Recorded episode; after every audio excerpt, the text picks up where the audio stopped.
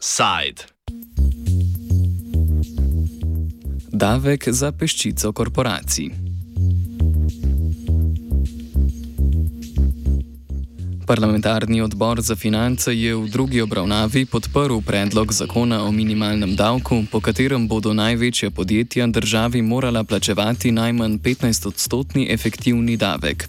Gre za delno implementacijo dogovora, ki ga je pred dobrima dvema letoma v okviru Organizacije za gospodarsko sodelovanje in razvoj, znane kot OECD, sklenilo skoraj 140 držav. Lani je Svet Evropske unije na to sprejel direktivo o zagotavljanju globalne minimalne davčne stopnje, ki jo novi zakon prenaša v slovenski pravni red. Večji del zakona, ki ga mora potrditi še državni zbor, bo začel veljati z naslednjim letom. Delo plačilu prenisko obdavčenih dobičkov, plačanih v državah z nižjimi davčnimi stopnjami kot pri nas, bo začel veljati leta 2025.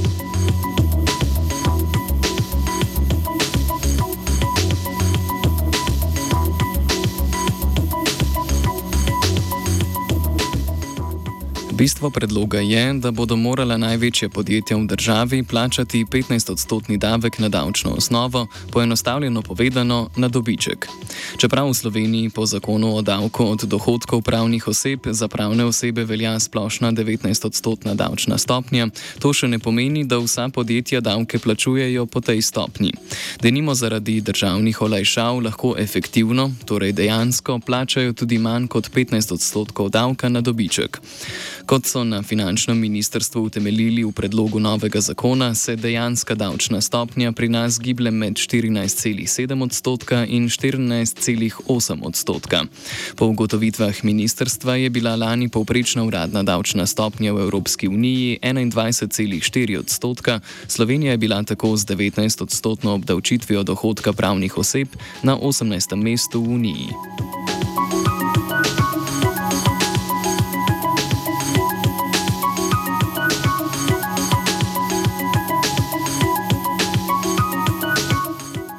Državna sekretarka na finančnem ministrstvu Katja Božič je na parlamentarnem odboru pojasnila, da novi zakon ne posega v uradno davčno stopnjo, ampak uvaja povrhni ali dodatni davek za tista podjetja, ki v Sloveniji dejansko plačajo manj kot 15 odstotni davek na dobiček.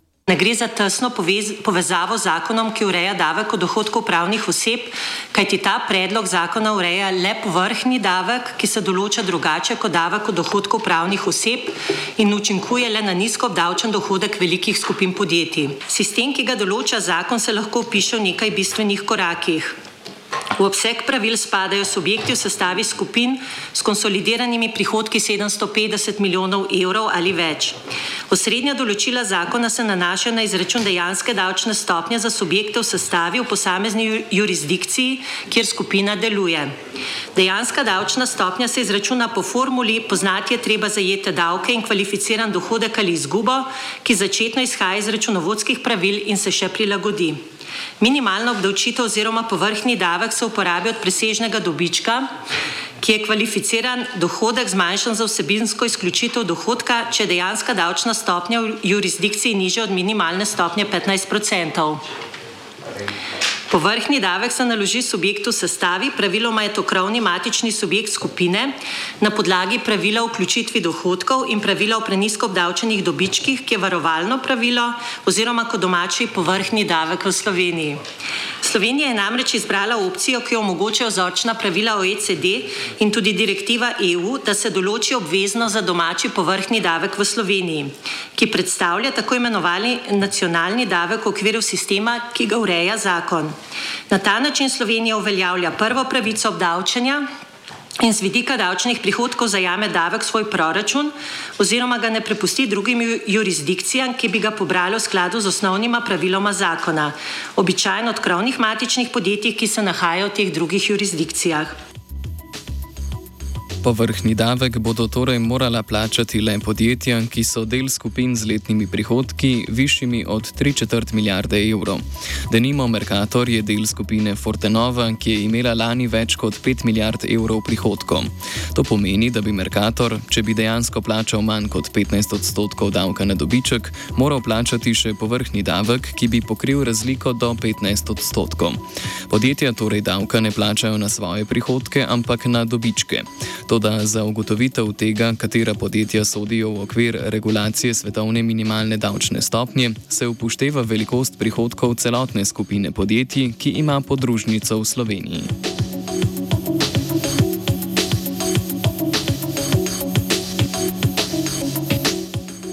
Uradno zaenkrat ni povsem jasno, katera podjetja, ki delujejo pri nas, bodo po novem zakonu zavezana plačilu povrhnega davka.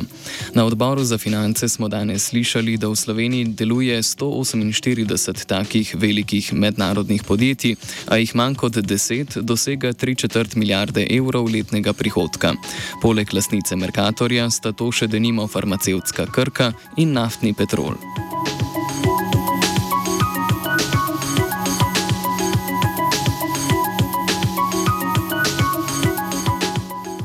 Minimalna globalna davčna stopnja bo učinkovita le v primeru, da jo bodo uveljavile vse ali vsaj večina držav.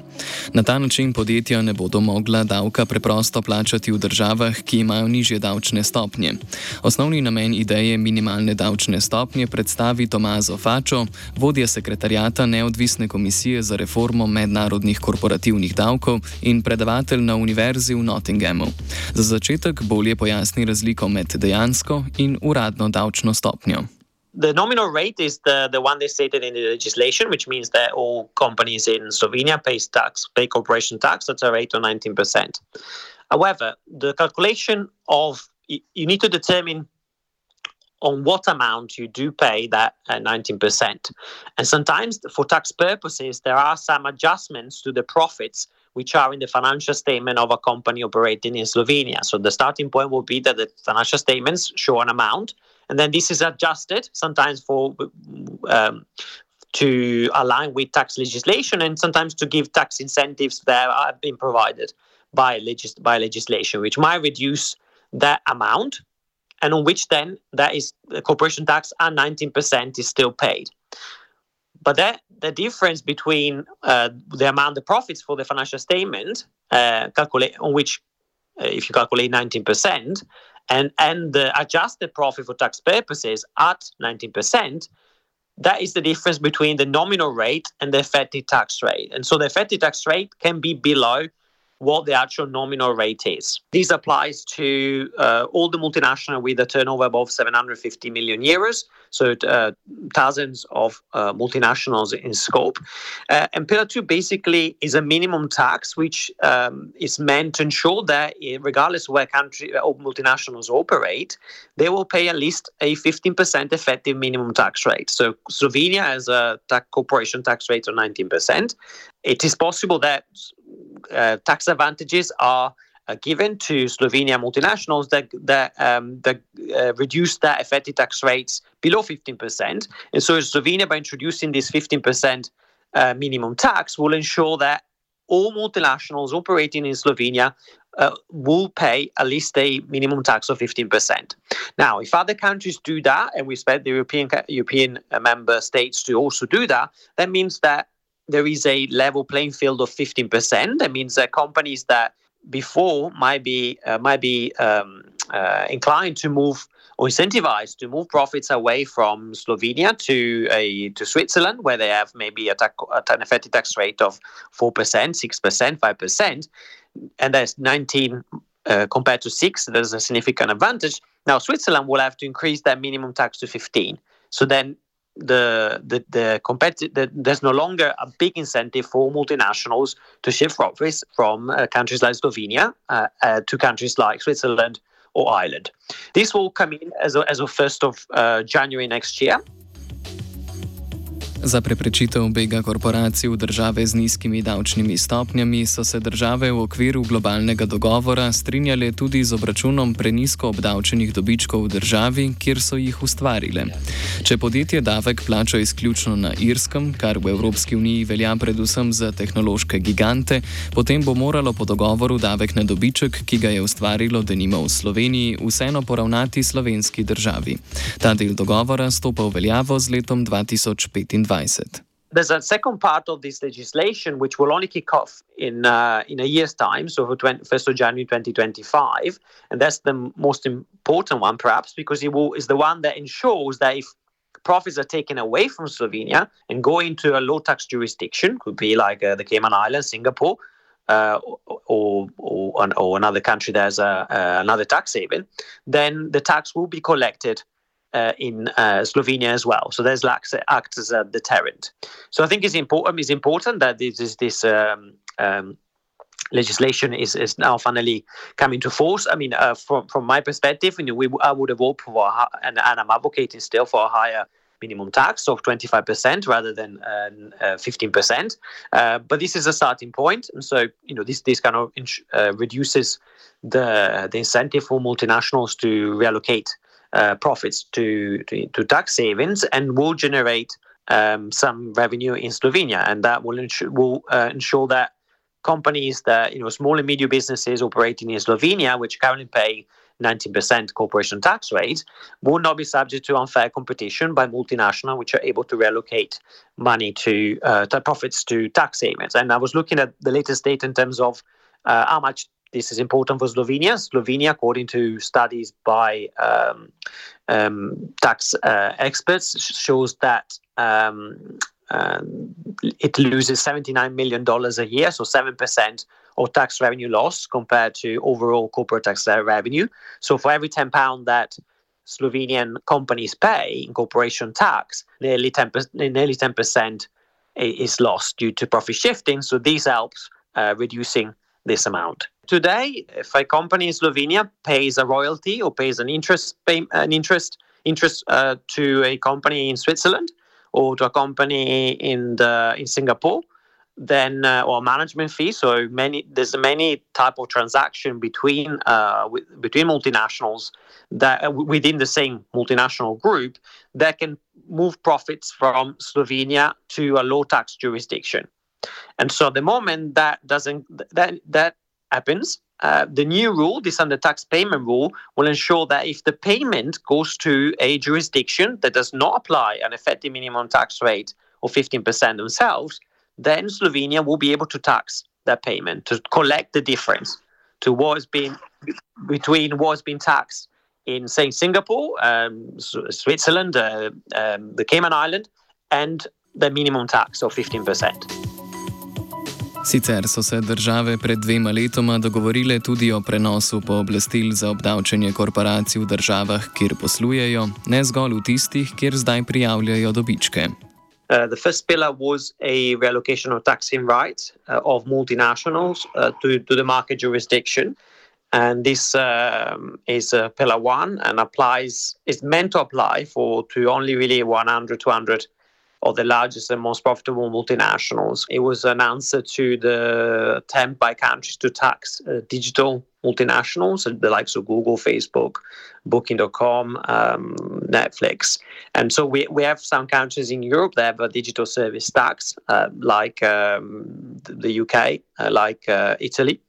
They are currently collecting revenues. Uh, Slovenia doesn't have a digital service tax. And so at the moment, digital companies operating in Slovenia selling to Slovenian customers might be able to, to avoid paying taxes. It goes through a formula which basically takes the global profits of multinationals and any profits above 10%, a small share, 25% of this excess profit is reallocated to the market jurisdiction. So most of the rules, most of the taxing rights are located in stay allocated in the current ways, which allow multinationals to do profit shifting, so remove profits from Slovenia and park it in, in tax havens. But for these only 100 and 200 multi top most profitable and, and largest multinationals, the new rule would allocate a small percentage of the of the global profits of the multinationals to um, the countries based on sales. So, based on the amount of the global profits of Apple that derive from Slovenian customers.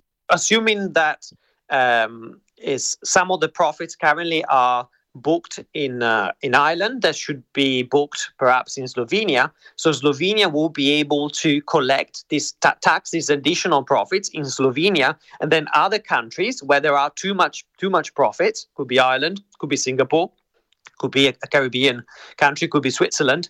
Uh, they will relieve, so they will give the money back or the, ta- the tax back to the to the to the multinationals, um, and so the ta- the tax will be paid uh, in Slovenia on this small share of profits. Toda iz tega dogovora zaenkrat ne bo nič. Glavni razlog za to pa je v politiki Združenih držav Amerike. Fačo. At the moment, there is a multilateral convention being drafted uh, by uh, uh, the OECD Inclusive Framework, but it's not been uh, finalized yet, so it's not out for signature yet. But we understand that uh, the US is currently not intending to to ratify this because to be able to do that, it requires uh, the, the, Senate to uh, pass to approve this, and it requires two thirds of the Senate. Uh, given where polit- US politics are, and given that we are um, in the year before US uh, election, it is unclear that this is possible. Sogovorec meni, da je dogovor o globalnem minimalnem davku korak v pravo smer, vsaj ko govorimo o pravični obdavčitvi največjih dobičkarjev. Toda v dogovoru je tu tudi nekaj pomankljivosti. There are some weaknesses in the legislation per se. For example, there is a, a substance exclusion, like a carve out, so that if you do um, have some uh, investment in, in people and capital um, in, a, in, a, in a low tax jurisdiction, you can still have an effective tax rate of um, up to 0%, so as low as 0% on a certain amount. Once you identify the profits in, in Switzerland, then these profits uh, are reduced by the substance carve out. And the substance carve out is basically calculated as a markup, like um, a, a 10%, say, say, say a 10% markup on the level of payroll and capital cost in the country. So there will be a small amount that will reduce the profits. The, the amount is not going to be a significant amount, uh, but, but in certain cases might reduce the profits on which the minimum tax is calculated. So on the substance, on the profits that relate to the to the substance carve out, then Switzerland can apply, can give like 0% tax rate. But on the balance, then the minimum tax of 15% will apply. So if let's assume an example with numbers. So if the profits in Switzerland are, 100, but uh, the substance carve out uh, is 10, that means then on 10, Switzerland will be able to give any tax rate, so 0% tax rate.